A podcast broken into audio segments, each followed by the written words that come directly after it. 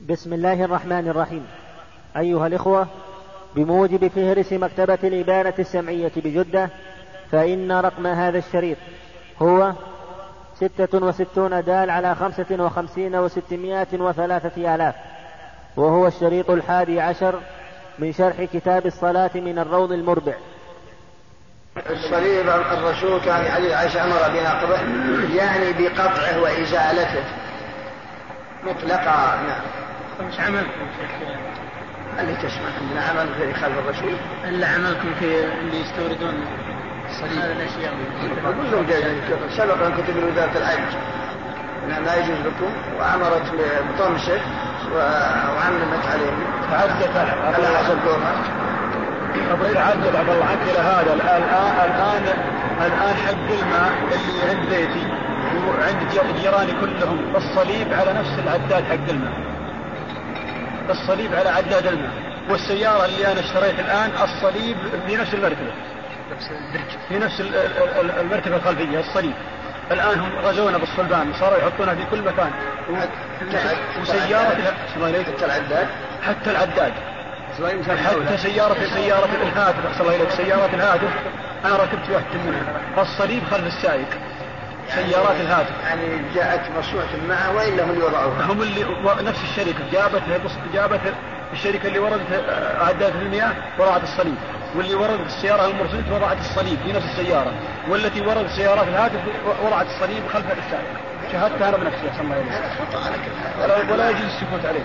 ما, ما ينبغي. غزونا بالصلبان بالرقم يشوف كل نعم. أو صورة منصوبة ولو صغيرة أو نجاسة أو باب مفتوح أو إلى نار من قنديل أو شمعة والرمز بالعين والإشارة لغير حاجة. نعم كل هذا نعم. إذا يقول النجاسة في درس من الدروس يقول الدرس اللي ما بنقول تصح الصلاة. وهذا يقول مكروه كراهة تنزيل مرة نقول لو صليت في الصلاة صحيحة ما نأمرك بالإعادة.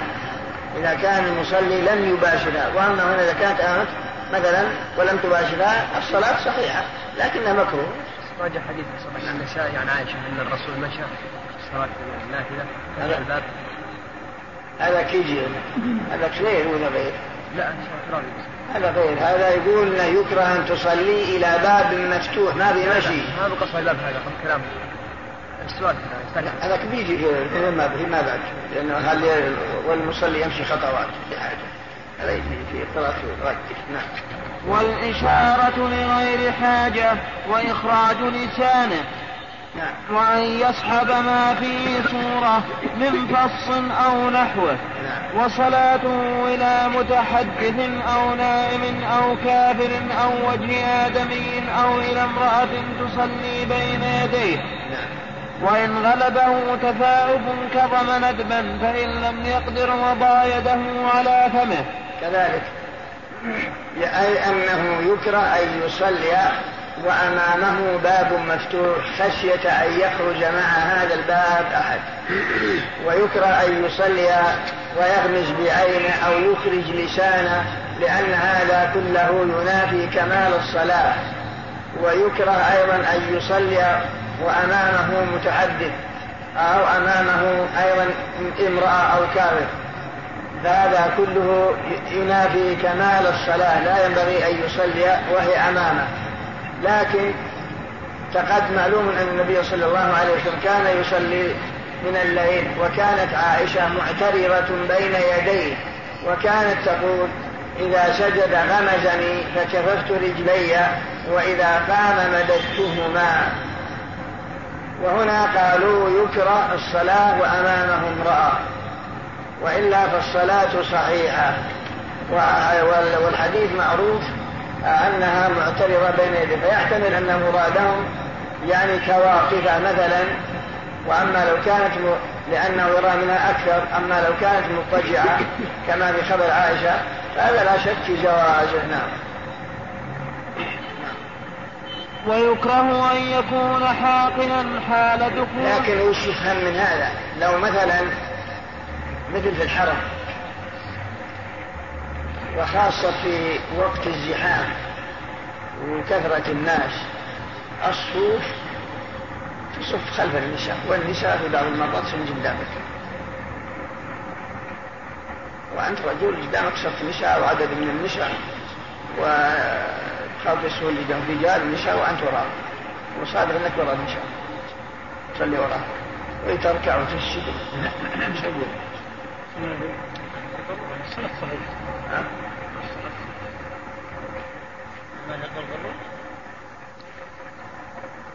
إيه هذا إيه نعم الصلاة صحيحة. عندهم الصلاة صحيحة. حتى لو لو صارت المرأة أمامك فهذا كل ما يجوز الصلاة. نعم. إذا كانت منافق منافق شو؟ منافق تدخل ما بالحج حسن. كيف كيف؟ تصح الصلاة. نعم. مبتعد عن في وقت الحج يحصل يحصل هذا دائما في المسجد الحرام والمسجد النبوي عند الازدحام في أحد يقول بعد صحة الصلاة؟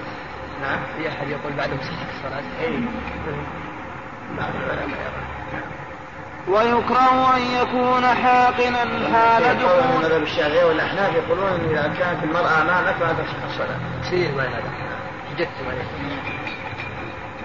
يذكرون الحجة ولا حيث اخرهن الله.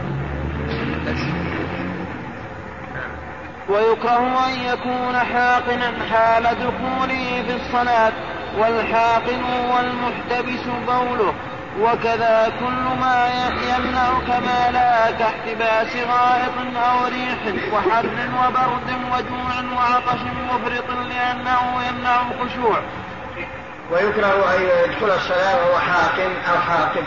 الحاكم هو الذي يدافعه البول وكذلك الحاقد الذي يدافعه الغائب أو يدافع احتباس الريح.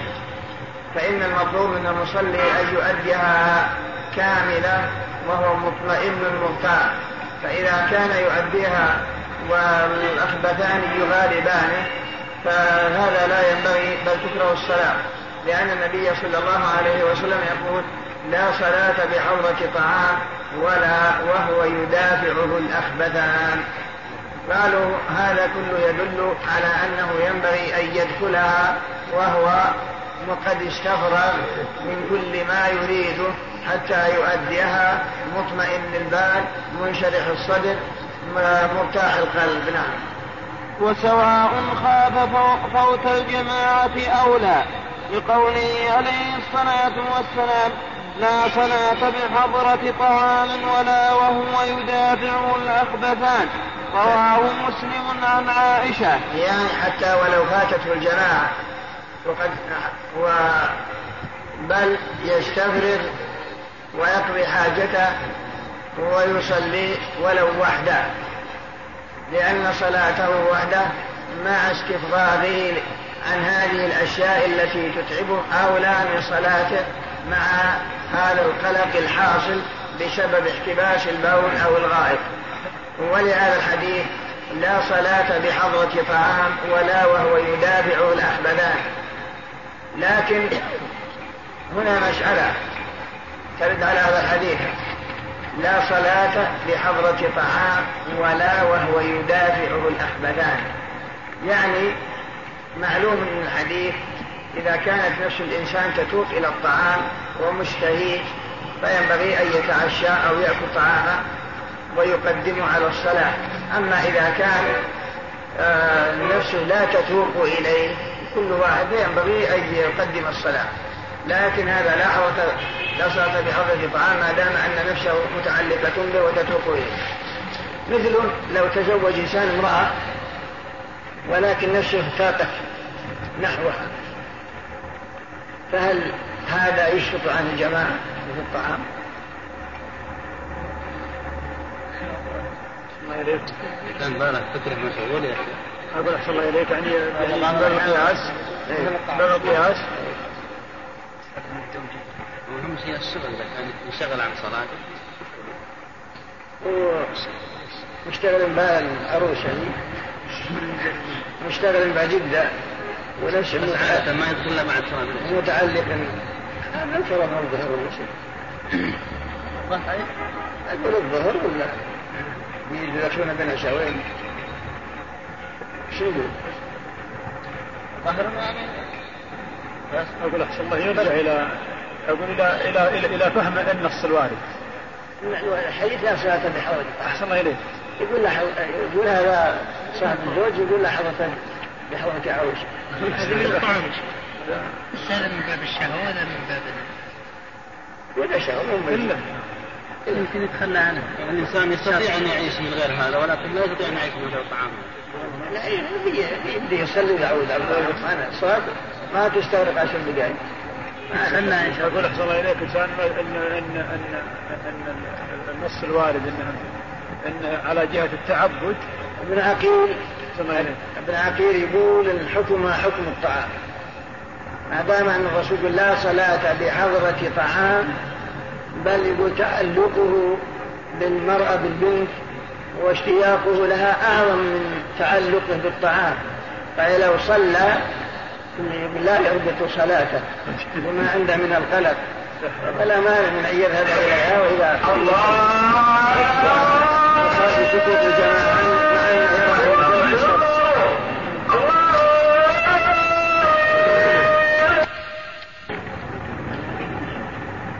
نعم شيخ ما ذكرت إلا رأي ابن عقيل هل هناك رأي ثاني؟ ونقلوا عن ابن عقيل مكرين له ما نعم طيب إذا اضطرت يعني مثلا الزكاة تدفع الذي يريد أن يتزوج. شيء آخر نعم. أو بحضرة طعام يشتهيه فتكره صلاته إذا لما تقدم ولو خاف فوت الجماعة. نعم. وإن ضاق الوقت عن فعل جميعها وجبت في جميع الأحوال وحرم اشتغاله بغيرها. هذا ما دام أن الوقت متسع في هذه الأمور المتقدم بيانها. أما لو كان الوقت ضيق يخشى خروج الوقت فيصلي بكل حال سواء كان بحضر الطعام أو دافع الأخبثان أو الرد على ما تقدم. نعم. ويكره أن يخص جبهته بما يسجد عليه لأنه من شعائر الرافضة. ويكره أن يخص جبهته بما يسجد عليه. بل الأولى أن يقال ويحرم. ما دام أنه من شعائر الرافضة فهذا لا ينبغي أن يخص جبهته بالابنة ولا شيء يسجد عليه. كما كانت تفعله الروافض. نعم. ومسح أثر سجوده في الصلاة؟ يكره أيضا أن تمسح جبهتك في نفس الصلاة. إنما تمسحها عقب الخروج من الصلاة. نعم. ومس لحيته وعقص شعره ويكره مس لحيته وعقص شعره. دائما يمسح في لحيته وفراشه. وعقص الشعر معناه ترد أطرافه إلى أصوله يتعكس ترد إلى العروق كل هذا مكروه لأنه داخل في العبث. نعم.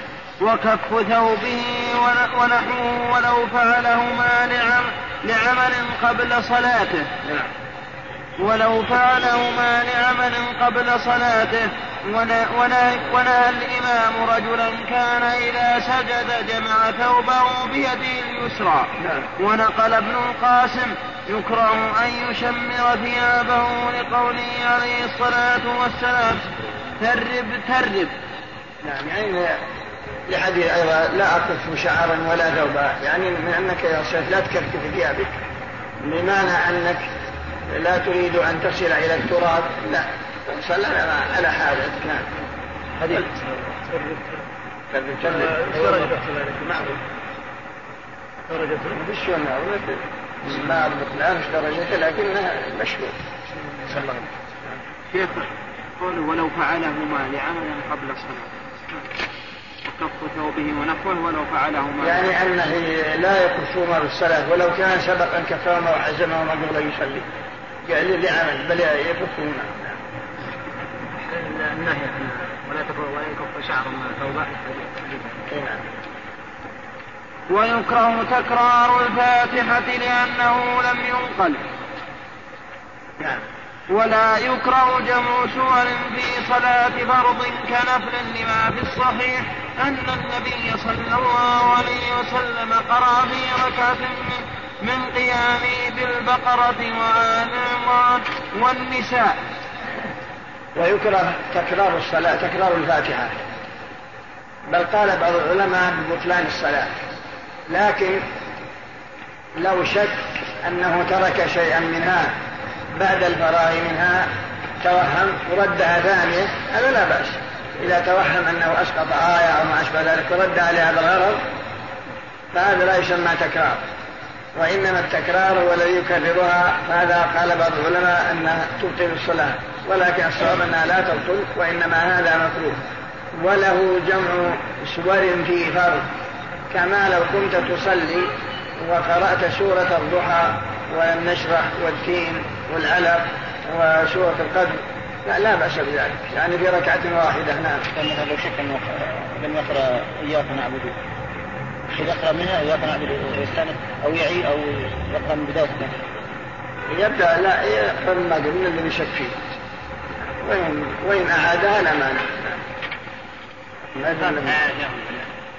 تكرار الفاتحة مثلا؟ يعني في أحيان أنك تكون قرأتها مثلا بسرعة مثلا أو تعيدها مثلا تكون تكون أخشع مرة ثانية أو أخشع في الآيات الأخرى. نعم أخشع في السورة الثانية اللي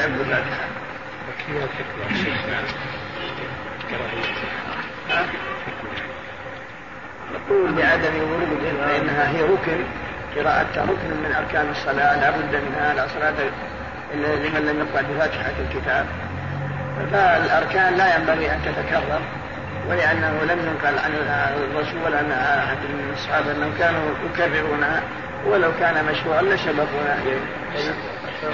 إذا صليت في صلاة المغرب. إيش؟ إذا صليت في صلاة المغرب. الركعة الثالثة ما قرأت الفاتحة. نسيت ثم ذكرت وأنا جاء في التحيات. بسلم. أجيب ركعة أو أسلم. وأسد السلام. إيش؟ إذا صليت صلاة المغرب. في الركعة الأخيرة ما قرأت الفاتحة. ما ذكرت إلا في التشهد الأخير. عند آخر السلام. على المذهب وعلى قول كثير يقول يتحملها عند الإمام لا. أي نعم. طيب إذا صرت أنا الإمام لا تسجد ولا تجيب. ولا عليك سهو ما دمت مع الإمام إذا صار هو الإمام صار إمام. ها؟ صرت إمام مثل الجماعة ولا منفرد إذا إذا تحققت فتجيب يجيبون معي هم ولا لا؟ نعم. يتابعوني ولا لا؟ يسبحون بدي رابع. هم أكملهم مكملين للصلاة يعني يجلسون. يجلسون. ينتظرون. نعم ينتظرون ولا يسلمون؟ مخيرين بين التسليم وبين انتظار الإمام حتى يسلم بهم تقدم هذا في آخر درس في بالغلبة مخير. نعم. كمل يا أخي أما الآن فنترككم مع مجلس آخر من هذا الشرح. وله رد المار بين يديه وعد الآي والفتح على إمامه ولبس الثوب ولف العمامة وقتل حية وعقرب وقبل. فإن أطال الفعل عرفا من غير ضرورة ولا تفريق بطلت ولو سهوا ويباح قراءة أواخر السور وأوساطها. وإذا نابه شيء سبح رجل وصفقت امرأة ببطن كفها على ظهر أخرى. ويبصق في الصلاة عن يساره وفي المسجد في ثوبه. بسم الله الرحمن الرحيم. الحمد لله رب العالمين وصلى الله وسلم على نبينا محمد وعلى آله نبينا محمد وعلى آله وصحبه. قال رحمه الله تعالى ويسن له المصلي. رد المار بين يديه لقوله عليه الصلاة والسلام إذا كان أحدكم يصلي فلا يدعن أحدا يمر, يمر بين يديه فإن أبى فليقاتل فإن معه قرين. رواه مسلم عن ابن عمر وسواء كان المار آدميا وسواء كان المار آدميا أو غيره. والصلاة فرضا أو نفلا بين يديه سترة فمر دونها أو لم تكن فمر قريبا منها ومحل ذلك ما لم يغلب. بسم الله الرحمن الرحيم. قال رحمه الله تعالى وله رد النار بين يديه. يعني وللمصلي أن يرد من يمر بين يديه. والشارح صارت عبارة المعتد قال ويسن فلاحظ أن الماتن جعل من باب الجواز لأن قال وله أي يجوز للمصلي أن يرد من مر بين يديه. الشارع صرف عبارة الماتن فقال ويسن وسنة. منع مرور بين يدي المصلي. سواء كان هذا الذي يمر آدمي أو بهيمة أو غير ذلك. إذا أمكنه وذلك في النفل أو الفرض سواء. وسواء له سترة أو لم يكن له سترة. وإذا لم يكن له سترة فيرد إذا كان قريبا. وأما إن كان بعيد فلا. في هذه الجملة فوائد. استدلوا بحديث ابن عمر. إذا أراد أحد أن يمر بين يدي المصلي فليدفع فإن أبى فليقاتل. وفي رواية فإن معه القرين أي الشيطان. فالحديث يدل على أن المصلي يدافع من أراد أن يمر بين يديه. لكن قول فليقاتلوا هل المراد إزهاق روحه؟ لا.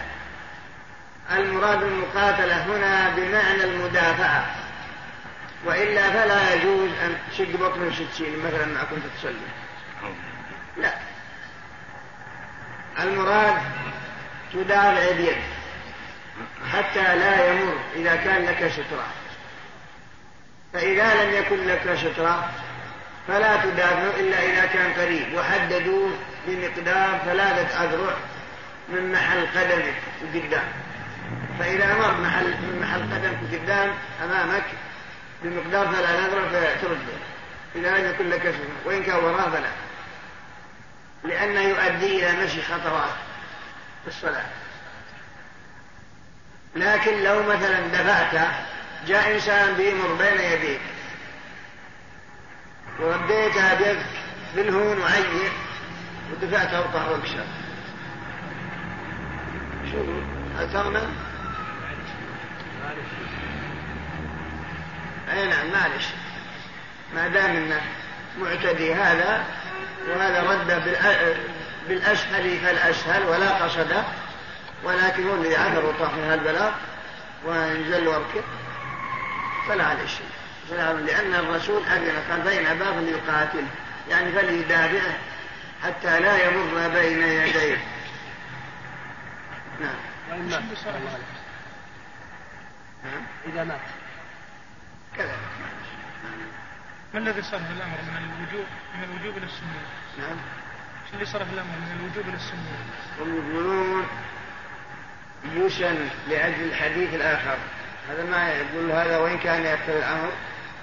فهناك أحاديث أخرى لا يقطع الصلاة شيء وادرؤوا ما استطعتم قالوا الجام بين هذا وهذا يدعو على أنه سنة وليس بواجب لأن الرسول لأنه ورد في الحديث لا يقطع الصلاة شيء وادرؤوا ما استطعتم لكن هذا الحديث فيه ضعف نعم. وسواء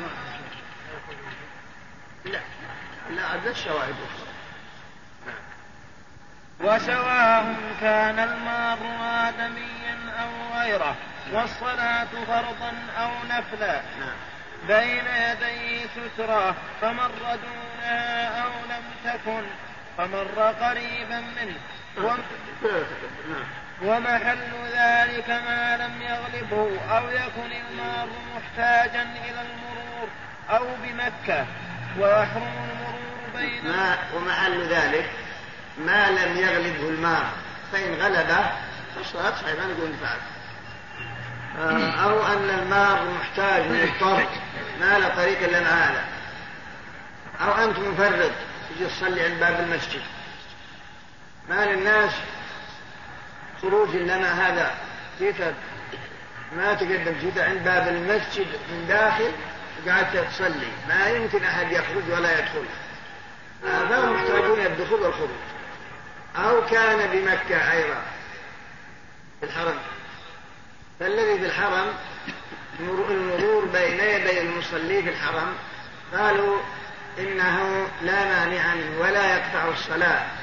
واستدلوا بأن ابن الزبير وابن عمر كانوا يصلون والطائفون بين أيديهم. ويرون في ذلك حديثا عن النبي صلى الله عليه وسلم أنه أيضا كان يطوف والناس يمرون بين يديه. وإلى هذا ذهب كثير من العلم باختصاص مكة نظرا إلى كثرة من يردها وكثرة الزحام ولا يمكن أن أحدا يتخلص من ذلك نعم. شيخ الحديث ضعف البخاري. مرفوع إلى النبي. كان يصلي والناس يمرون بين يديه. يقول على الصحابة رضي الله عنهم ولو ولو ضعف ما دام محل حاجة. ممكن في إمكانك لو تقول لك كيف؟ ما تستطيع تمنع الناس عن عن المرور لو تجيب لك ألف جنيه. هل ما استطعت؟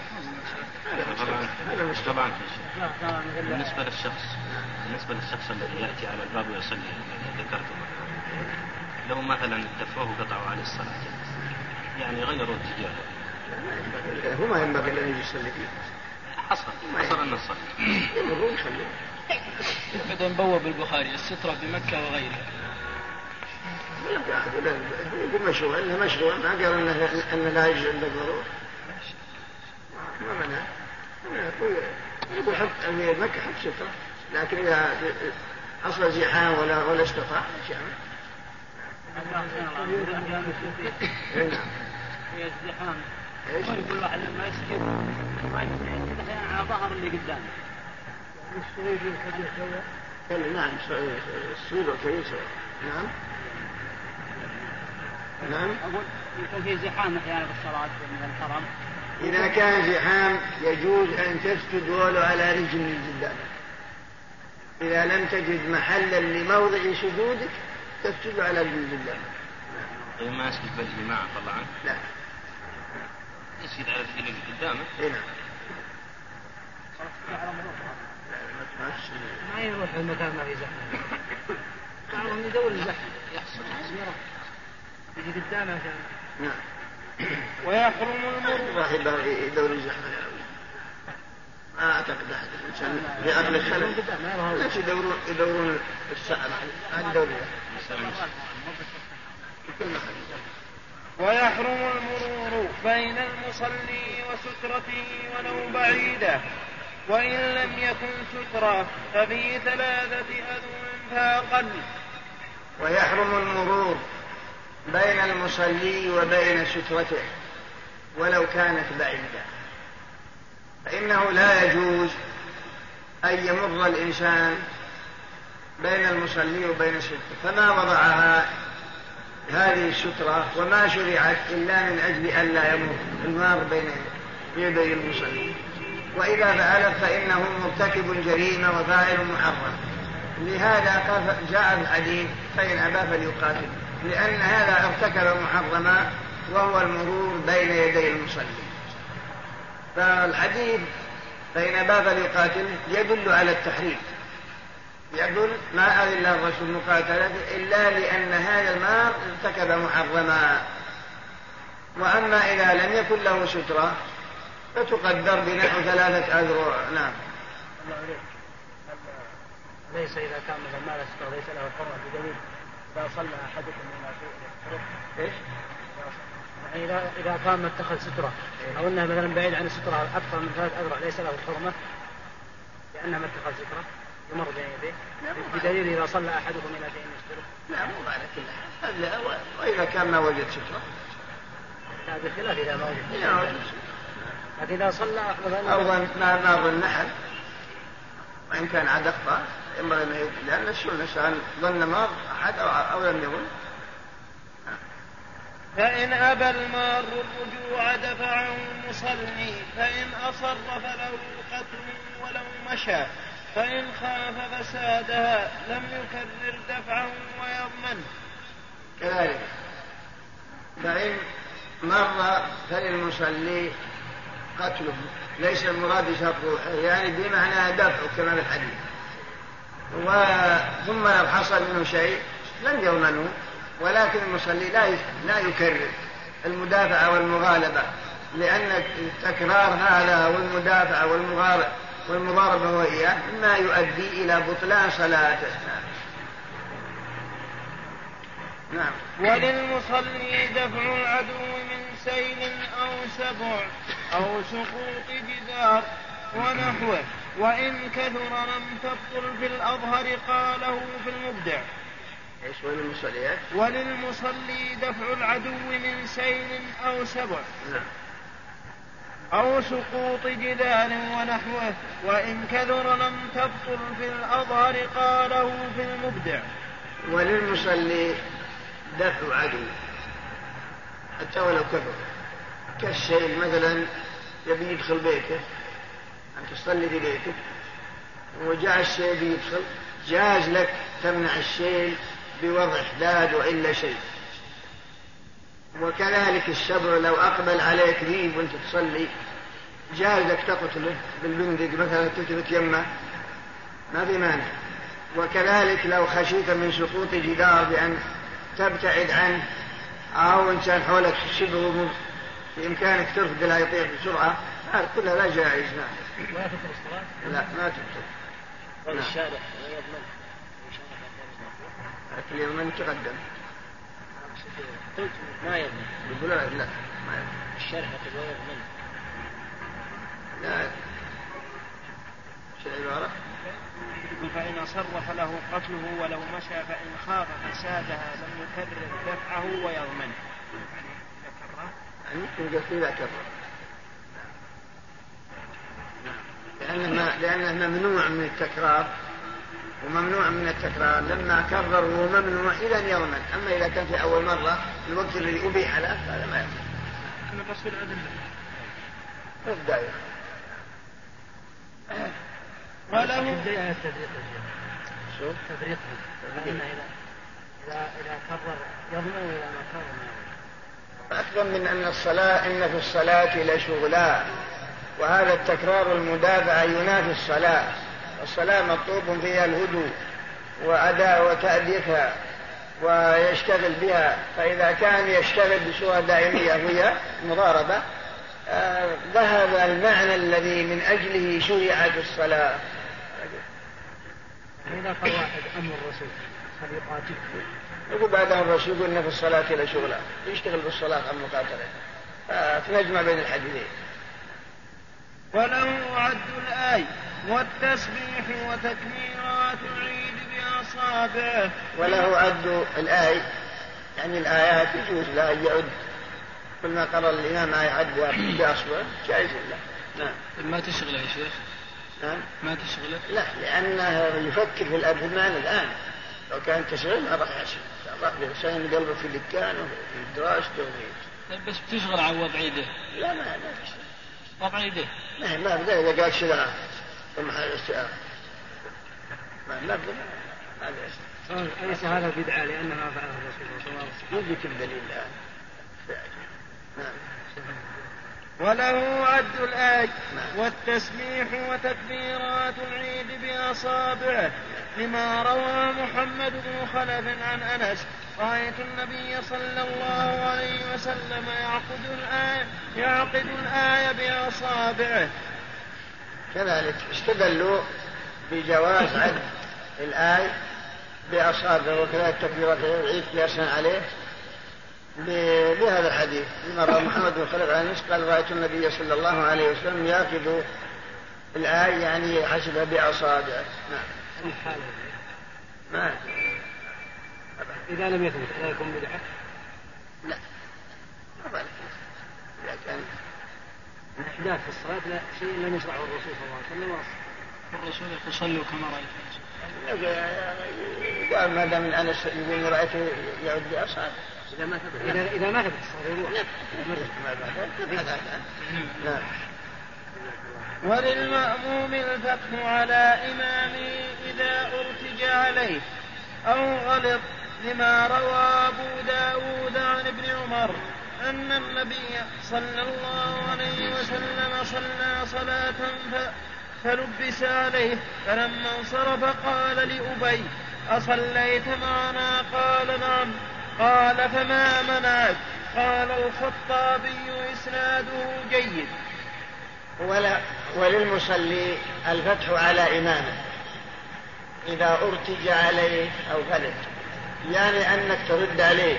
فإذا غلط الإمام أو أرتج عليه لم يدري إيش معنى الآية التي بعدها.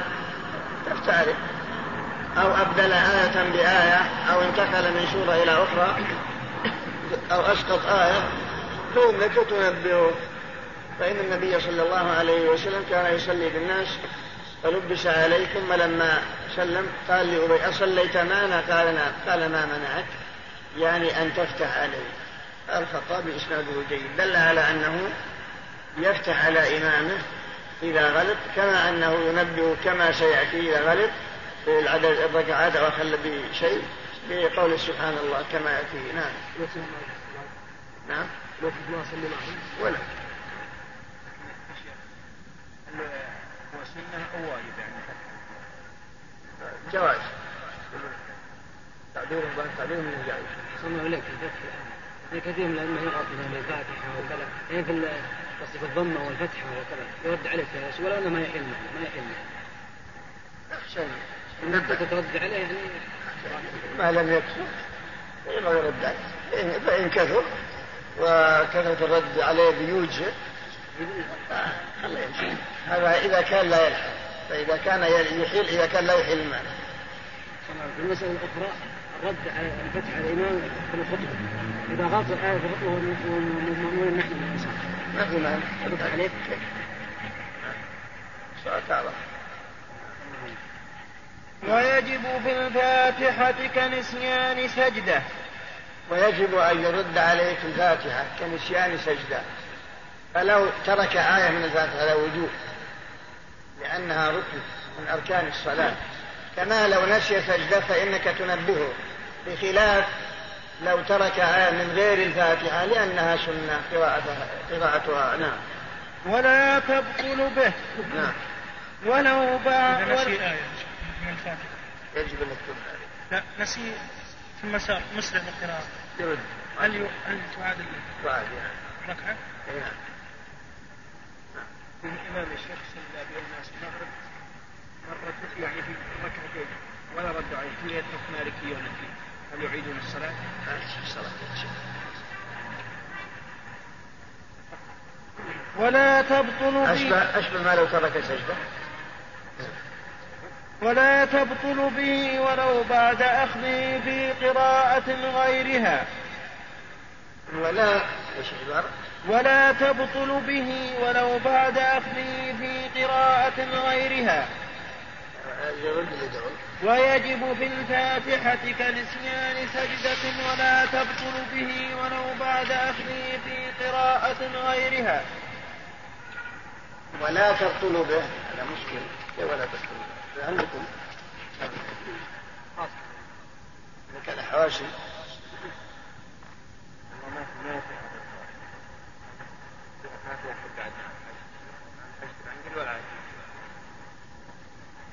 ويجب إيش؟ ويجب في الفاتحة كنسيان يعني يجب أن يفتح عليه في الفاتحة.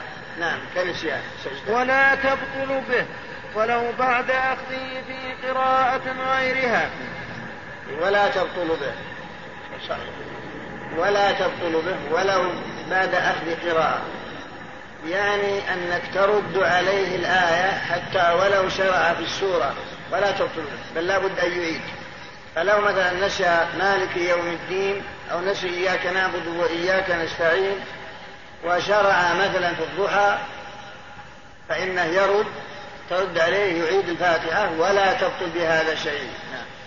يعني ما تبطل الصلاة إذا أعادها ولو كان قد شرع في قراءة السورة الثانية نعم. يمكن لا يفهم المقصود نعم. يمكن ما يفهم المقصود إذا قرأ من في سورة من الحمد لله رب العالمين يعني خاصة عن نفسي إذا كثر أتكلم أقول بطلت الصلاة تبي يصير عالم الإمام في عالم. وإذا كان ما تفهم الفاتحة من الخشوع شو؟ وإذا كان ما تفهم الفاتحة من الخشوع. خشوع الإمام ما دام ما أدى؟ إن شاء الله ما يكون له. هذا ما تحقق شيء. نعم. مسألة متقدمة نعم. يعني إذا فتحت عليه في الفاتحة ولا فهم من المقصود يتكرر يتكلم خلاص؟ شو؟ يتكلم؟ لا. أقرأ الآية. يعني. أقرأ عيد السورة الثالثة بعد السورة الثانية ما يشتغل؟ رد عليه فاهمة لا اقرا الفاتحة أنت. نبأ. قرأت قرأت الفاتحة وبعدين السورة له ولا تبطلوا أعمالكم. في الآية الفاشلة ينزل يقرأ لا يعمل مثل الحجاج. هذا محاشا يردوا عليه. ما. نعم. ماشي. ولا يفتح على غير إمامه لأن ذلك يشغله عن صلاته. ولا يفتح المصلي. على غير إمامه. لكن إذا كان لم هو بيصلي معه وغلط الإمام ما في مانع. يفتح عليه. نعم. فإن فعل واحد يقرأ جنبي وأنا قاعد أتنفل وغلط ما أرد. تصلي لا نعم فإن فعل لم تبطل قاله في الشرع وله لبس الثوب ولف العمامة لأنه عليه الصلاة والسلام التحف بإزاره وهو في الصلاة وحمل أمامه وفتح الباب لعائشة. ولا وله لبس الثوب والعمامة يعني يجوز لك وأن تصلي أن تلبس بشتك مثلا أو غترك أو طاقية. كل هذا لا بأس به. والرسول أيضا لبس إزاره ويصلي رداءه ويصلي التحف به. وكذلك حمل أمامة ويصلي كان إذا قام حملها وإذا سجد وضعها. وفتح الباب لعائشة مشى خطوات وكان يتنفل في البيت وافتح له ويصلي فالعمل اليسير في مثل هذا قالوا إنه لا يؤثر. نعم. شيخ إذا كانت المرأة تصلي مع الرجل هل يسن لها أن تفتح على الإمام؟ يعني أو على المسجد هذا؟ إيش؟ يعني مثلا رجل يصلي وخلفه امرأة تصلي بصلاة وغلط هل تفتح عليه؟ لا القياس لا. إذا كان أجانب ما كان محارم ما في مانع. يعني إذا كان مثلا فرضنا زوج زوج يعني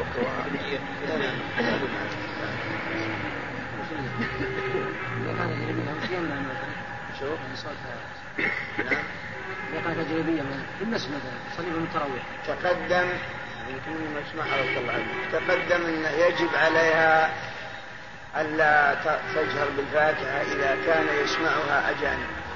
لا بد تقرأها سر أما إذا كان ما عندها أجانب جاز لها أن ترفع صوتها بالفاتحة والقراءة قراءة في صلاتها. أما إن كان بقوا بها أجانب فإنه لا يجب لها بل يجب عليها أن تسر هذا مثل هذا نعم. ماشي.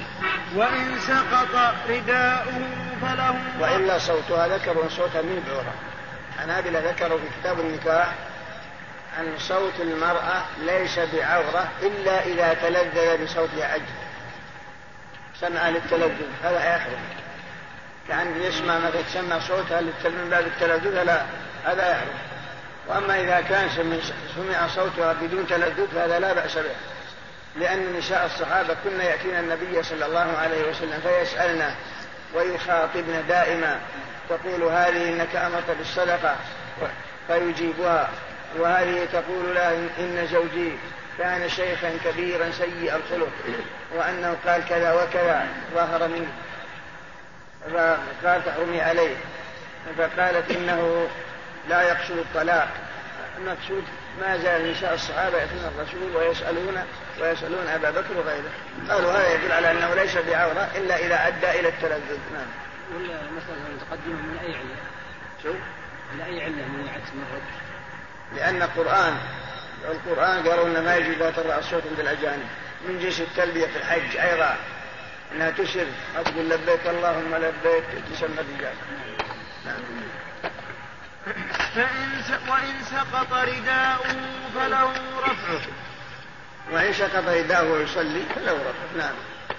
ماشي. وله قتل حية وعقرب وقم وبراغيث ونحوها لأنه عليه الصلاة والسلام أمر بقتل الأسودين في الصلاة الحية والعقرب.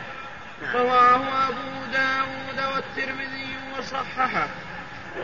ويجوز للمصلي قتل الحية والعقرب وال- والبرغوث يصلي لأن النبي صلى الله عليه وسلم قال اقتلوا الأسودين في الصلاة الحية والعقرب. نعم.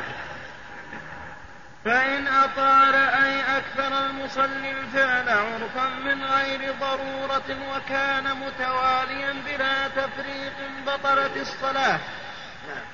ولو كان الفعل سهوا إذا كان من غير جنس الصلاة لأنه يقطع الموالاة ويمنع متابعة الأركان. فإن أطال الفعل يعني فإن أطال المصلي الفعل عرفا من غير تفريق فهذا تبطل به الصلاة. كما لو صار يفتح الباب ويلبس ثوب ويعمل كل شيء هذا وكان متوالي هذا تبطل. فإن كان ليس بمتوالي بل مفرق فهذا لا مانع منه حينئذ. وإن كان مكروه لكن ما ما تبطل به الصلاة. لأن التوالي يؤدي إلى عدم تناسق الأركان والواجبات وتعاقب بعضها مع بعض لأجل عمله. أما, أما لو يفعل هذا ثم يستمر في صلاته ثم في الركعة الثانية يفعل هذا ولا هناك يعني توالي فهذا لا بأس. نعم. أما لو يفعل هذا ثم يستمر في صلاته ثم في الركعة الثانية يفعل هذا ولا هناك يعني توالي فهذا لا بأس نعم. يقول الأسودين فيها يعني مثل أيام أو بس نعم. من اللون فسر فسر بقول الحية والعقل سواء كان سود ولا بيض. نعم. فإن كان لضرورة لم يقطعها كالخائف نعم. وكذا إن تفرق ولو طال المجموع. نعم. واليسير ما يشبه فعله ما يشبه فعله صلى الله عليه وسلم من حمل أمامة وصعوده المنبر ونزوله عنه لما صلى عليه. وفتح الباب لعائشة وتأخره في صلاة الكسوف ثم عودة ونحو ذلك. والعمل اليسير الذي يجوز للمصلي فعله هو ما كان يفعله النبي صلى الله عليه وسلم مثل وإشارة الأخرس ولو مفهومة كفعله. وإشارة الأخرس ولو مفهومة كفعله. فإذا كان الأخرس دائما يشد صلاته حكم حكم فعله. إن كثر بطلت صلاته وإذا لم يكثر ولم يتوالى فصلاته صحيحة. نعم. ولا تبطل بعمل قلب وإطالة نظر في كتاب ونحوه. ولا تبطل بعمل قلب وإطالة نظر في كتاب ونحوه. لكن معلوم أنه ينقص كمال الصلاة. ما دام أن عمله في واد ولم يكن في مصلحة في مصلحة الصلاة. أو أنه ينظر في كتاب أمامه فإنه يشغل عن القراءة عن الصلاة. فعندهم هنا ولا تبطل. والقول الثاني لا سيما الكتاب أنه متى صار يقرأ في كتاب أمامه ويصلي فإن صلاته تبطل. لأن الرسول يقول إن في الصلاة لشغلا وهذا قد اشتغل بغير الصلاة. أما المذهب هنا يقول لا تبطل. لا وتباح في الصلاة فرضا كانت أو نبلا قراءة أواخر السور.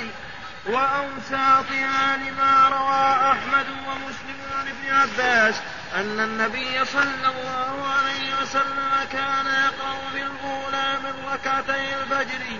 قوله تعالى قولوا آمنا بالله وما أنزل إلينا. الآية. وفي الثانية في آل عمران قل يا أهل الكتاب تعالوا إلى كلمة سواء بيننا الآية. وتباح قراءة أواخر السور في الصلاة وأوساطها. أي لو قرأت في الصلاة آخر سورة البقرة أو آخر سورة الأنعام لا بأس. أو قرأت بعض سورة من في ركعة وبعض سورة في الركعة الثانية كما لو قرأتها في الركعة الأولى قل ادعوا الله أو ادعوا الرحمن أيا ما تدعوا فله الأسماء الحسنى آخر الإسراء وفي الركعة الثانية إن الذين آمنوا وعملوا الصالحات كانت لهم جنات الفردوس نزلا. آخر من سورة الكهف. فلا مانع. أما ابن القيم فهو يرد هذا وينكره. ويقول لم يكن النبي صلى الله عليه وسلم يقرأ في أواخر السور ولا في أوساطها. بل إما أن يقرأ سورة كاملة أو يقرأ بعض سورة يقرأها من أولها. فهو لا يجيز أنك تقرأ آخر السور ولا تقرأ في أواخر السور بل تقرأ سورة كاملة أو تبتدي من أول البقرة مثلا. ألف لام ميم ذلك الكتاب لا ريب فيه هدى للمتقين وتقرأ ما تيسر لك في الركعتين. أما من أنك تقرأ من هذه من هذه السورة في ركعة ومن الركعة وفي الركعة الأخرى من سورة ثانية أو آخر سورة هذا لا. ويقول الذين نقلوا سيرة صلاة رسول الله لم يكونوا يفعلون شيئا من هذا ولم ينقلوا أن الرسول فعله الحنابلة يقولون لا بل يجوز ولا شيء فيه لأن النبي صلى الله عليه وسلم قرأ في راتبة الفجر في الركعة الأولى آية البقرة قولوا آمنا بالله وما أنزل إلينا وما أنزل إلى إبراهيم وإسماعيل وإسحاق ويعقوب والأسباط الآية. والركعة الثانية آية آل عمران قل يا أهل الكتاب تعالوا إلى كلمة سواء بيننا وبينكم ما وما دام أن الرسول قرأ هاتين الآيتين من سورتين مختلفتين في ركعتين دل على جوازه قال ابن القيم هذا في النافلة. ولم ينقل أنه فعل هذا في غير راتبة الفجر قال الحنابلة ما دام أن الرسول فعل في النافلة فالأصل أن الفريضة والنافلة سواء إلا ما دل الدليل على تخصيص النافلة به ولا شيء يدل على ذلك. نعم. إيش؟ موجودين عنده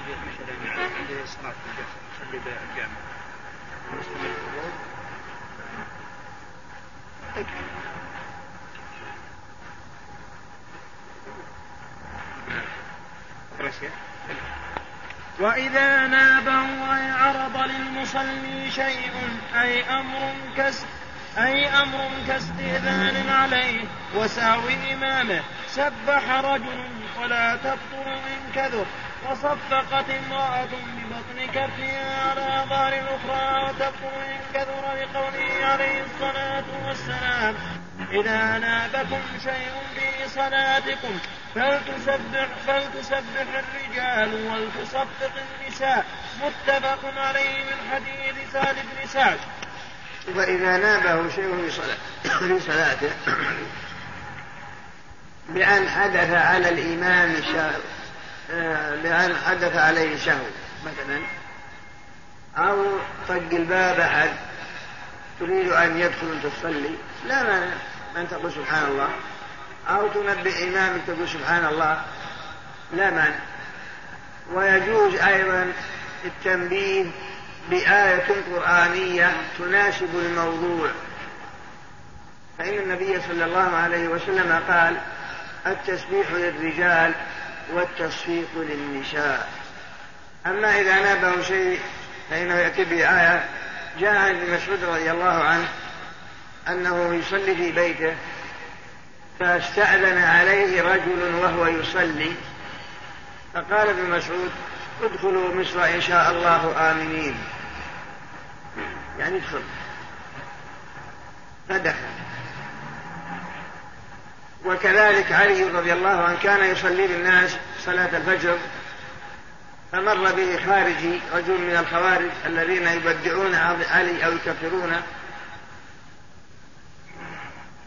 قال ولقد ولقد أوحي إليك وإلى الذين من قبلك لئن أشركت ليحبطن عملك. يعني إنك أشركت علي. ليحبطن عملك ولتكونن من الخاسرين. قال علي مجيبا له فاصبر إن وعد الله حق ولا يستخفنك الذين لا يوقنون. الحاصل أن الإمام إذا نابه شيء في صلاته فإنك تسبح إن فهم وعرف المقصود وإلا فلا بأس.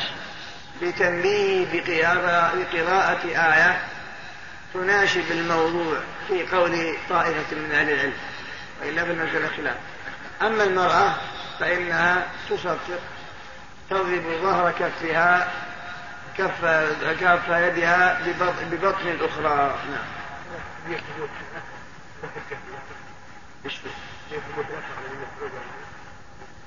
ما لم نذكر أصلا ولو فعل النبي ولو ما فعل العبادة تمنع إلا بنا نعم أصل العبادات تمنع إلا بنا فيه عبادة القرآن والحشرات ذلك آية القرآن كلها عبادة القرآن والحشرات كلها كلها عبادة إيش؟ مجهود أو مجهود الفجر يعني جواب يقول بالنظام يقول ان شاء الله هذا ما أشوف في معنى هذا في حرج. ما أشوف وكره التنبيه بنحنحة وصفير وتصفيق وتسبيحها. لا بقراءة وتهليل وتكبير ونحوه. وكره إيش؟ وكره التنبيه بنحنحة وصفير وتصفيقه وتسبيحها. لا بقراءة وتهليل وتكبير ونحوه. كذلك. وكره تنبيه الإمام بنحنحة لما آه أو تصفيق للرجل أو تسبيح للمرأة أو صفير لما غلبت قال جاء واحد يصفر من اللي قال نبي الإمام. كل هذا مكروه. بخلاف تنبيهه بقراءة وتنبيهه بتسبيح وتكبير. لا بأس بذلك. كما لو ارتج على نسي الإمام السجدة الثانية سجد السجدة الأولى وقام للثانية قلت سبحان الله جلس للتشهد. سبحان الله قام. قال سبحان الله جالس ما يدري. ما في ما تقول اسجد واقترب. يعني تلي عليك سجدة. ما في. ويبصق ويقال بالسين والزاي في الصلاة عن يساره وفي المسجد في ثوبه ويحك بعضه ببعض إذهابا لصورته. كذلك ويبصق في الصلاة عن يساره وإن كان في المسجد في ثوبه ويفرق بعض بعض إذهابا لصورته.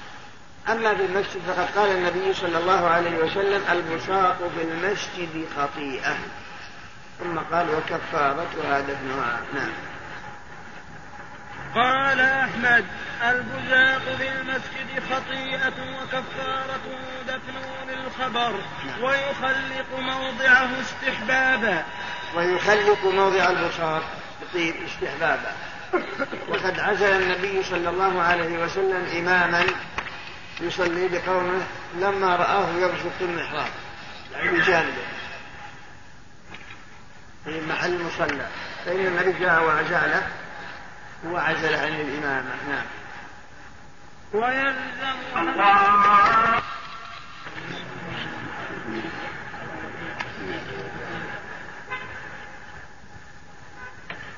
رضيت بالله ربا نعم. ويلزم حتى غير الباسط حتى غير الباسط إزالته ويلزم حتى غير الباسط إزالته يعني عندما ترى بصاقا في المسجد فيلزمك إزالته تنظيفا للمساجد وتكريما لها عن مثل هذا الشيء المستقذر. كيف والنبي صلى الله عليه وسلم أمر بأن تطيب وتنظف. وقال عرضت علي أجور أمتي حتى الخلاة يخرجها الرجل من المسجد. نعم. نعم. غير البصر. لا لا على الوجوب يلزم الوجوب حتى على غير البصر. على غير الباطل مثل قمامة أو ورقة أو شيء. لا قسم البساط لأن الرسول أخبر خطيئة وأما هذاك على الاستحباب وكذا المخلوق والنخامة وكذا إيش؟ المخلوق المخاط المخلوق. وكذا المخلوق والنخامة وكذا المخاط وكذا المخاط والنخام نعم. وإن كان في غير مسجد جاز أن يبصق عن يساره أو تحت قدمه لخبر أبي هريرة وليبصق عن يساره أو تحت قدمه بأدنى رواه البخاري. وإن كان يصلي في غير المسجد فلا بأس لو بصق عن يساره أو بصق تحت قدمه. أما أن يبصق عن يمينه أو أمامه فلا. فإن النبي صلى الله عليه وسلم قال لا يبصق قبل وجهه فإن الله قبل وجهه. ولكن عن يساره أو تحت قدمه. نعم. وفي ثوبه وفي ثوبه أولى. ولكن بساطه في ثوب أولى لما بأن من المستقلق على الناس. نعم. إذا عن يمين ولا لا كراهة توجيهية؟ لا توجيهية وإن كان في المسجد. لا مش لا عن يسار ولا في المسجد ولا عن لا في المسجد لا الكلام هذا إذا كان في البر في غير المسجد. أما المسجد ما يجوز مطلقا سواء يصلي أو ما أو ما يصلي. حتى الآن أنت جالس فأما ما يجوز. لك ويكره يمنة وأماما ويكره أن يبسط يمنة عن يمينة أو أن يبسط أمامة كما التنزيل نعم هذا في غير المسجد. إيش؟ إيش؟ يتقدم في المسجد يعني هذا يجوزونه إذا كان في استنجاء. أما الاستنجاء لا لأنه إزالة نجاسة ما يحصل. يتوضأ في المسجد غسل وجهه ويديه فقط ولا يحرص منه مصاق ولا مخاط بل يستنشق ويستنفر مثلا في ثوب شيء هذا ما في وله رد السلام إشارة والصلاة والسلام عليه صلى الله عليه وسلم عند قراءته عند قراءته ذكره في نفسه كذلك وله رد السلام إشارة لو سلم عليك أحد وأنت تصلي جاز لك أن ترد السلام بالإشارة نعم السيرة مثل ما الحديث لو جاز السلام عليكم. لو أنت تصلي فيجوز أنك ترد عليه يعني ترد عليه بالإشارة. أي إشارة يبسط وبسط كفه. هذا هذا اللي كان الرسول يسلم عليه ويسلم قال فبسط كفه. كذلك أيضا له إيش العبارة؟ وله ذكر الصلاة على النبي صلى الله عليه وسلم في النافلة. إذا أمر اسمه. مثل والذين آمنوا بما نزل على محمد وما أشبه ذلك صلى عليه في النافلة. هذا لا بأس. وهذا في غير الفريضة. أما الفريضة عندهم لا. وكذلك الأنبياء صلوات الله وسلامه عليهم غير الرسول لا. هذا عندهم. إنما هذا خاص بالنبي. نعم.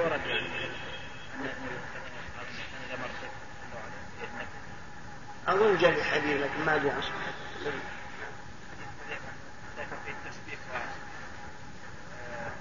الدعاء فقط؟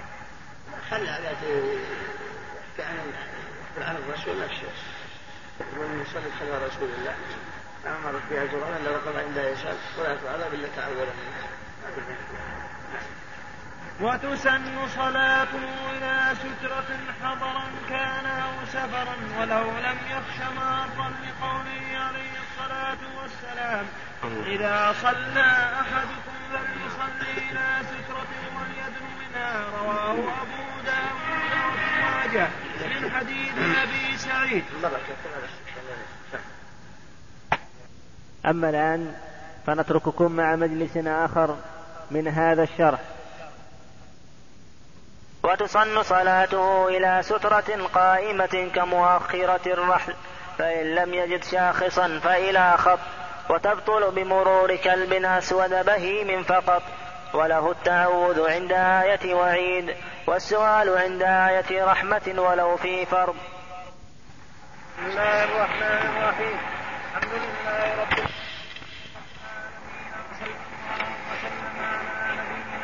العالمين وعلى آله قال رحمه الله تعالى وتسن صلاة إلى سترة حضرا كان أو سفرا ولو لم يخش مارا لقوله عليه الصلاة والسلام إذا صلى أحدكم فليصلي إلى سترة وليكن منها. رواه أبو داود وابن ماجه من حديث أبي سعيد.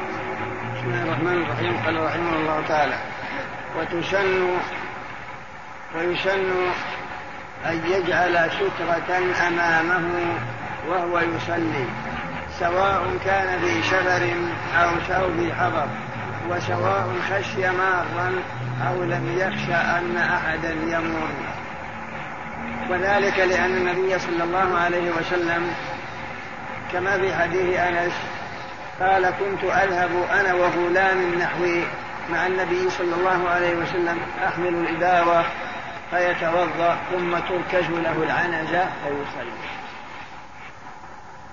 وكذلك في الشبر كانت تركز له العنزة فتكون أمامه سترة له.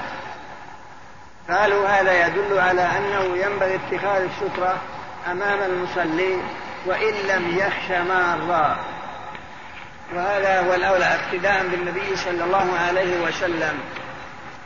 وهل هي من واجبات الصلاة أو من أركانها لا ليست من الواجبات ولا من الأركان إلا أنه ينبغي أن يتخذ سترة أمامه. وهل سترة الإمام سترة لمن خلفه؟ هذا نعم فإن سترة الإمام سترة لمن خلفه كما يأتي نعم. قائمة كمؤخرة الرحل لقوله عليه الصلاة والسلام.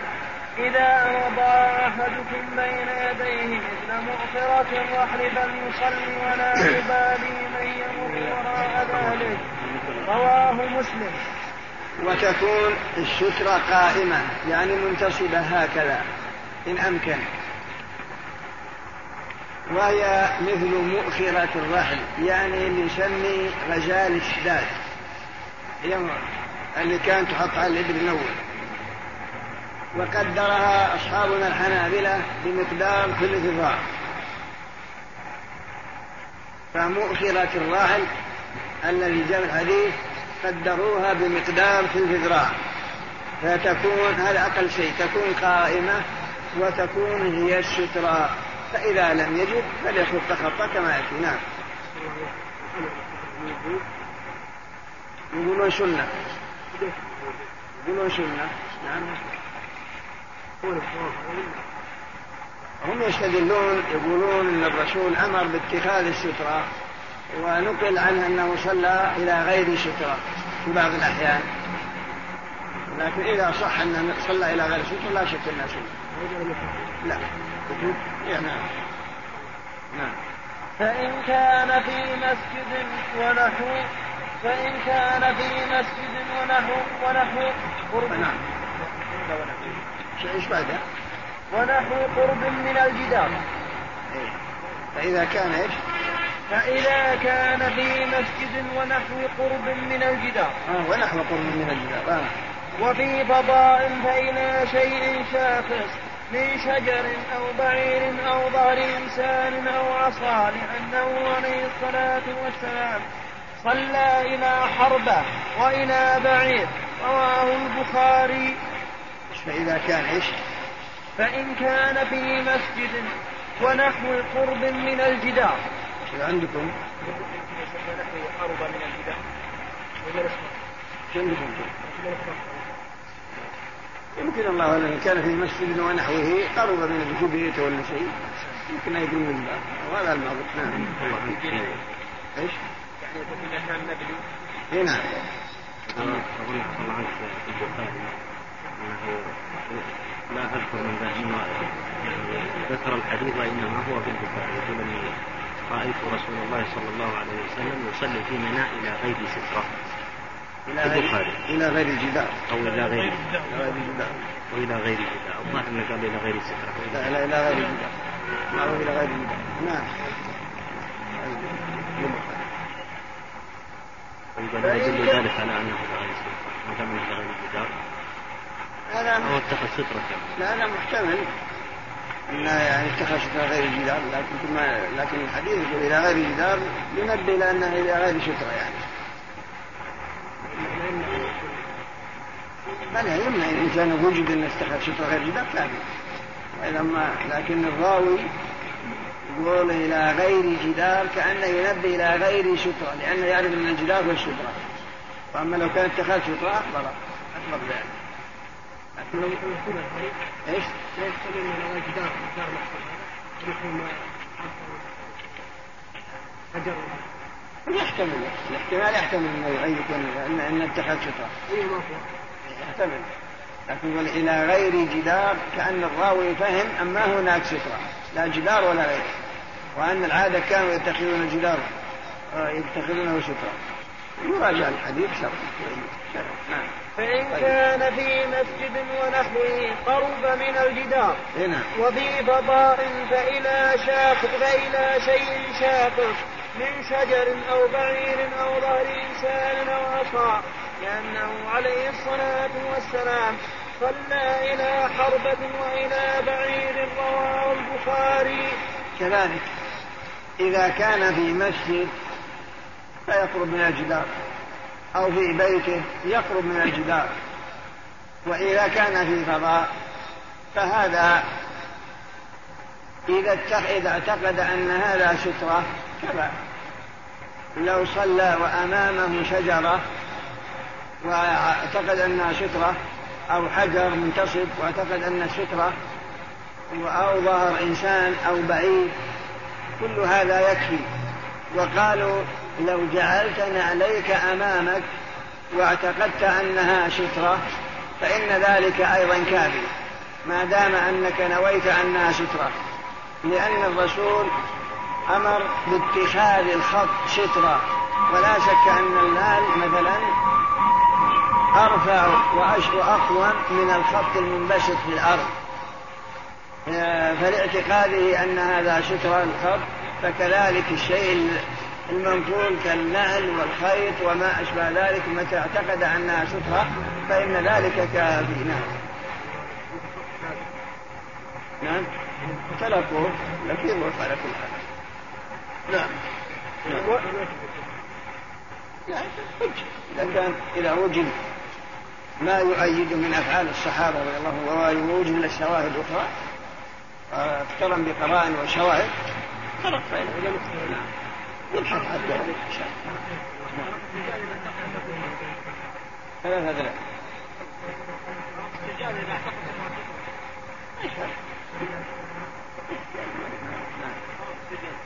نعم إيش؟ مرض السجاد فيه اذا اعتقد انه السجاد لكن بس ما السجاد مو من وضعك انت ولا محل ستره لكن يحتمل يكون كافي يحتاج إلى بحث. ذكروا اذا النهل والكيف اذا وضعته فإنه يكون ستره وأعتقد أنها ستره هذا صرحوا به. وأما مسألة الفرشة ما دام إنها منقولة وأعتقد أنها سترة إذا كان لها طرف وتصلح أن تكون سترة فالظاهر إنه لكني لا أجزم يقين انها تكون كافية أظن انها تكون كافية إلا أنها تحتاج إلى مزيد بحث. إيش؟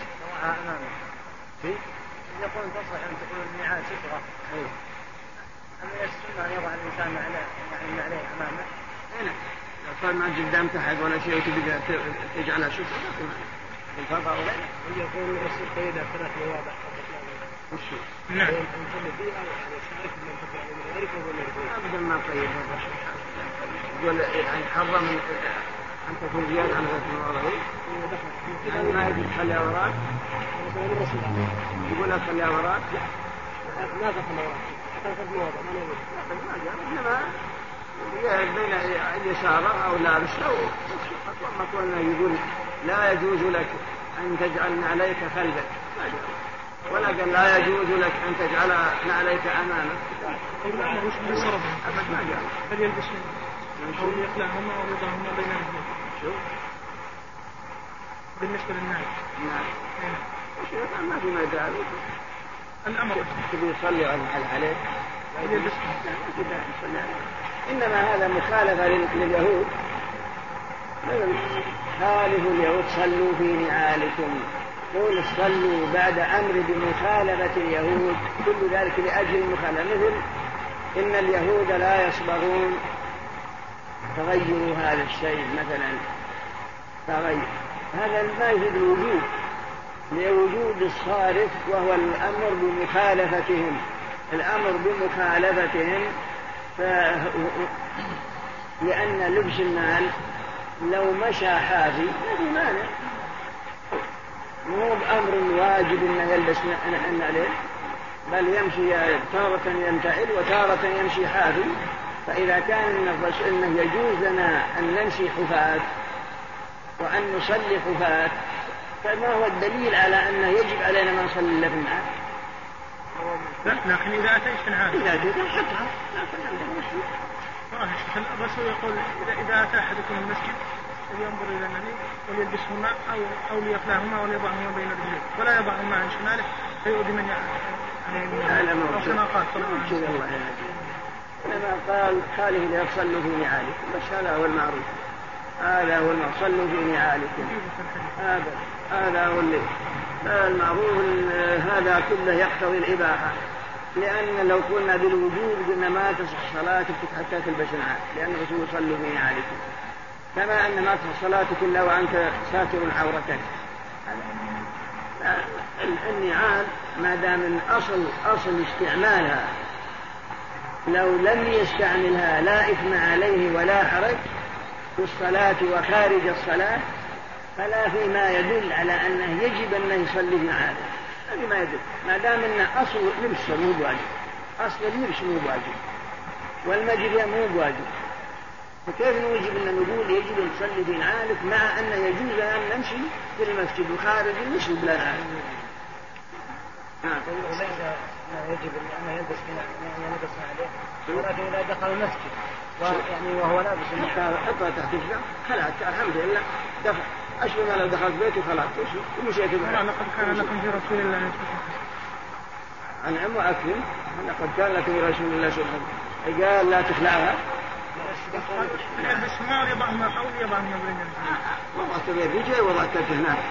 تحت رجله وش وش وش وش النكتة يكون بين رجلي ما دام ان الرسول قال ضعها بين رجلي فوضعها تحت رجلها ابعد شو اللي يصل لنا من الوجود عن هذا المواضع؟ ولضعها ما تحت رجلي بين رجلي هذا ما دام انه اذن بان ضع بين رجلي هذا دليل على ان يضعها هناك لأن لأن الغرض بين رجلي بس لا تؤخذ ولا ولا يعني إنها من كمال الصلاة انها بين رجلي ولا بيزيدني أجر انها بين رجلي وأن الرسول لاحظ هذا لأنه بين رجلي ما ابدا أبدا. ولا ولا فهم هذا. ولا فهم هذا. شو؟ سمعت عن قش سمعت على إيش؟ القش هذه قش نعم. ها؟ سمعت عن القش هذه. بعضهم يقول لك إيش لا إيش؟ الدل هذا. شو؟ يطلع بالنعال من الحمام ويجي يطعم لا ما ينبغي انك لا لا لا في ناس الله سبحان الله يا أخي أنا ما اتكلم على على الاخوان ما في شيء. اتكلم على من كنا عمل ويكفي وضع العصا بين يديه عرضا على كل حال كلام العلماء معروف. ما في شيء. نعم. ويكفي وضع العصا بين يديه عرضا ويستحب انحرافه عنها قليلا. ويستحب انحرافه عن سترته قليلا لا يصمد إليها كما يصمد عباد الأصنام أصناما بل ينحرف عنها قليلا. نعم. نعم. كافي هذا بعض الآثار عن الصحابة. فإن لم يجد شاخصا خط كالهلال قال في الشرح. وكيفما خط أجزاءه. كقوله عليه الصلاة والسلام فإن لم يكن معه عصا فليخط خطا رواه أحمد وأبو داود. قال البيهقي لا بأس به في مثل هذا. ماشي. وتبطل الصلاة بنور كلب أسود بهيم أي لا لون فيه سوى السواد إذا مر بين المصلي وسترته أو بين يديه قريبا في ثلاثة أذرع فأقل من قدميه إن لم تكن سترة. وخص وخص, وخص الأسود بذلك لأنه شيطان. وتبطل بمرور كلب أسود بهيم فقط. هذا عندهم. يعني إذا مر الكلب الأسود بينك وبين سترتك فإن الصلاة تبطل. وقد سئل أبو ذر ما بال الأحمر والأبيض والأصفر؟ قال إنه شيطان يعني الأسود وهذا أيضا قالوا بخلاف المرأة والحمار. ومعلوم حديث أبي ذر كما يأتي. نعم.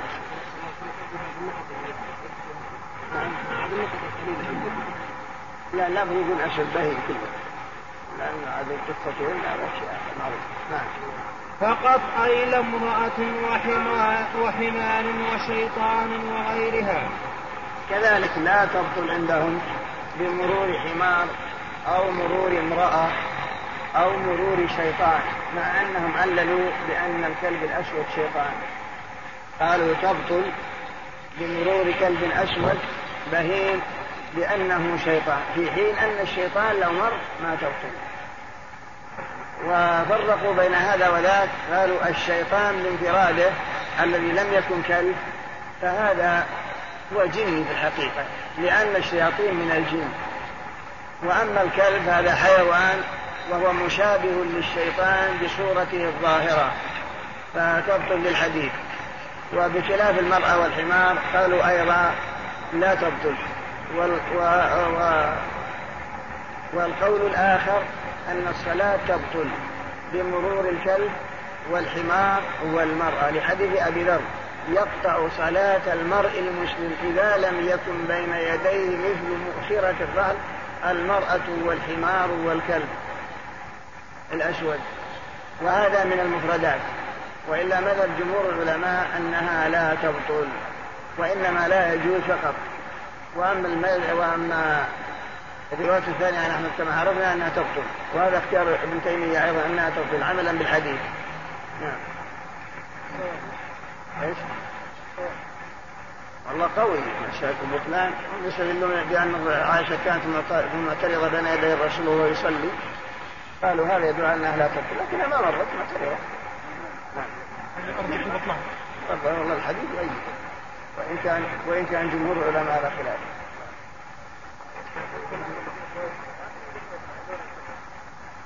نعم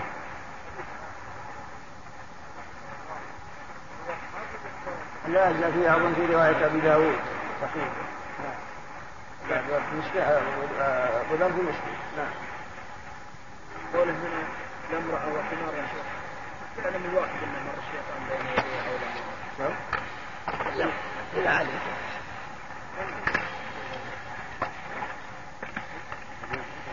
وسترة الإمام سترة للمأموم لأن الشيطان أذكر ذكر في بعض تراجم علماء الأندلس. يقول في هذا العلماء كان يصلي و وعابد يصوم النهار ويقوم الليل وهو من أفاضل العلماء. وعالم بكتاب الله وسنة رسوله صلى الله عليه وسلم. وحاول الشيطان على اغوائه بكل وسيلة. وسولت نفسه ولكن دينه عصمه. عصمه الله. فرجل ما بين ذاك يوم في الليل كان يصلي في المسجد يتهجد وهو قريب من المحراب. يقول أخذ إذ نزل نور ما لك لا تأمر. لما اخشى يا عدو الله. ما أما جئت أما وجدت إلا أنا أتريد أن تبيني لا والله لست بالله بل أنت عدو الله أنت الشيطان وأنت أخذ يستعين بالله. قيل في ذلك قال أعلم أن ربنا ينزل على هذه الكيفية؟ وإنما هذا الشيطان يريد الإغواء جاء بهذا النور وكيفياته يريد الإغواء نعم لا مطلق جاء برواية أبي داود وقيدها بالحائط لكن هذه زيادة. صار انتهاء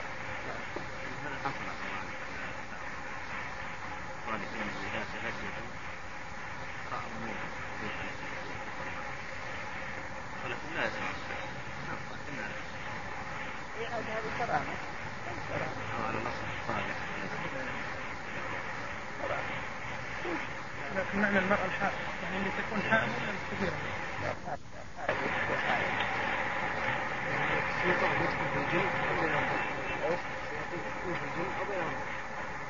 كل مرة يلتزم الشياطين كل مرة يلتزم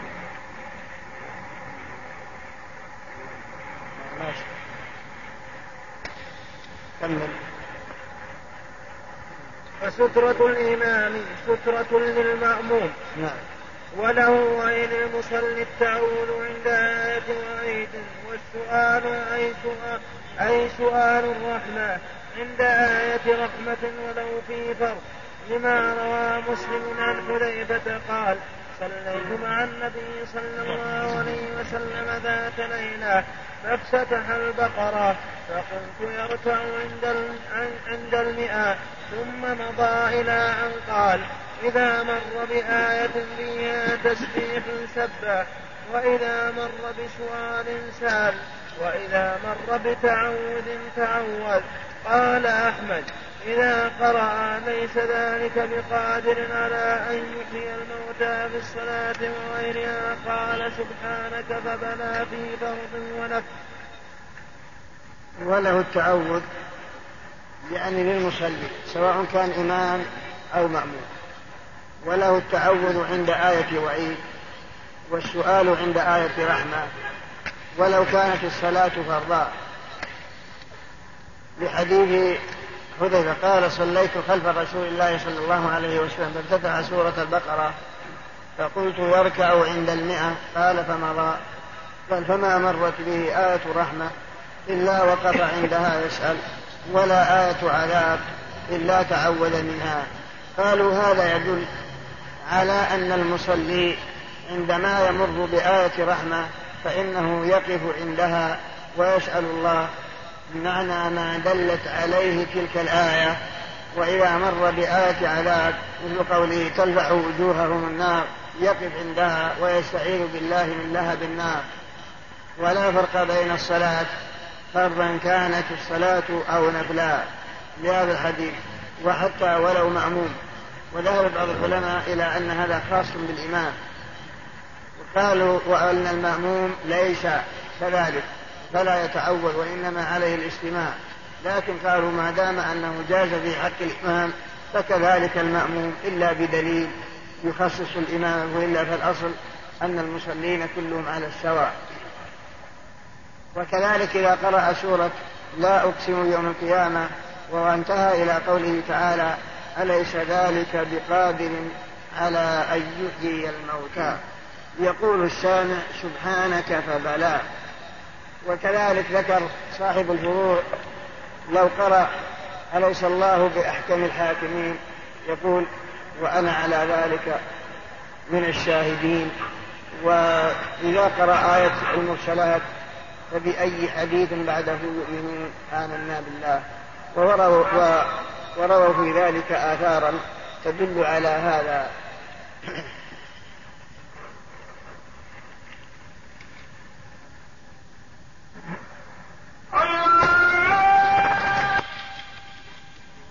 وصلى الله وسلم على نبينا محمد.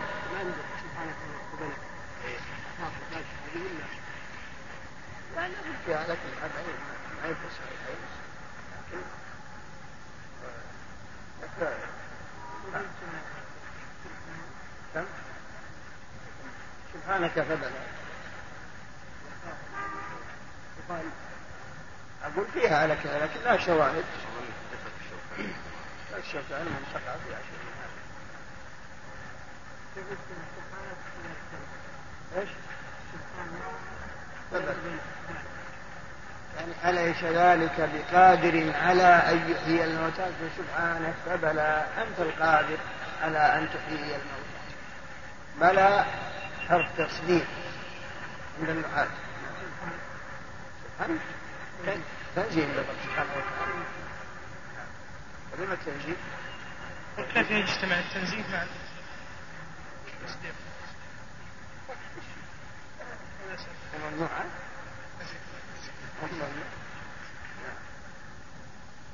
تعظيم التصديق هذا مشروعا قول نعم مشروعا في معنى خاصة سبحانك بل هذه أثر جيدة. ولكن يقولها بينه وبين نفسه لا كما يفعله العامة الآن تسمع صوته إنما بينه وبين غير أن يسمع. العبادة ليست توقيفية نعم ليست توقيفية العبادة. كيف يقال؟ وهل وهل الإنسان يبتدع من نفسه؟ أقول ما هي من نفسه. جاءت بها شيء من الآثار الأحاديث. بعد السلام قبل السلام. تكون بعد السلام ويأتي في الباب إن شاء الله.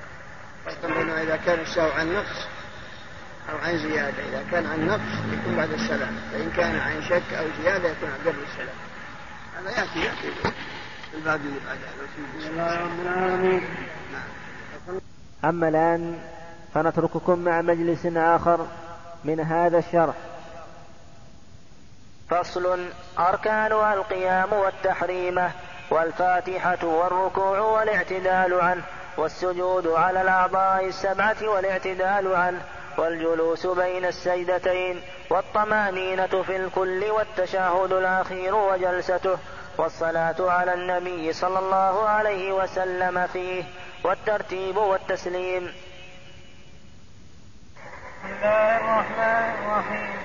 الحمد لله رب العالمين وصلى الله وسلم على نبينا محمد وعلى آله وصحبه قال رحمه الله تعالى فصل في أركانها أي أركان الصلاة أو أي, أي أركان الصلاة أربعة عشر ركنا جمع ركن وهو جانب الشيء الأقوى وهو ما كان فيها ولا ولا يسقط عمدا ولا سهوا وسماها بعضهم فروضا والخلف لفظي بسم الله الرحمن الرحيم. قال رحمه الله تعالى فصل. أركان الصلاة وما يذكر في هذا الفصل ثلاثة أقسام ثلاثة أضرب.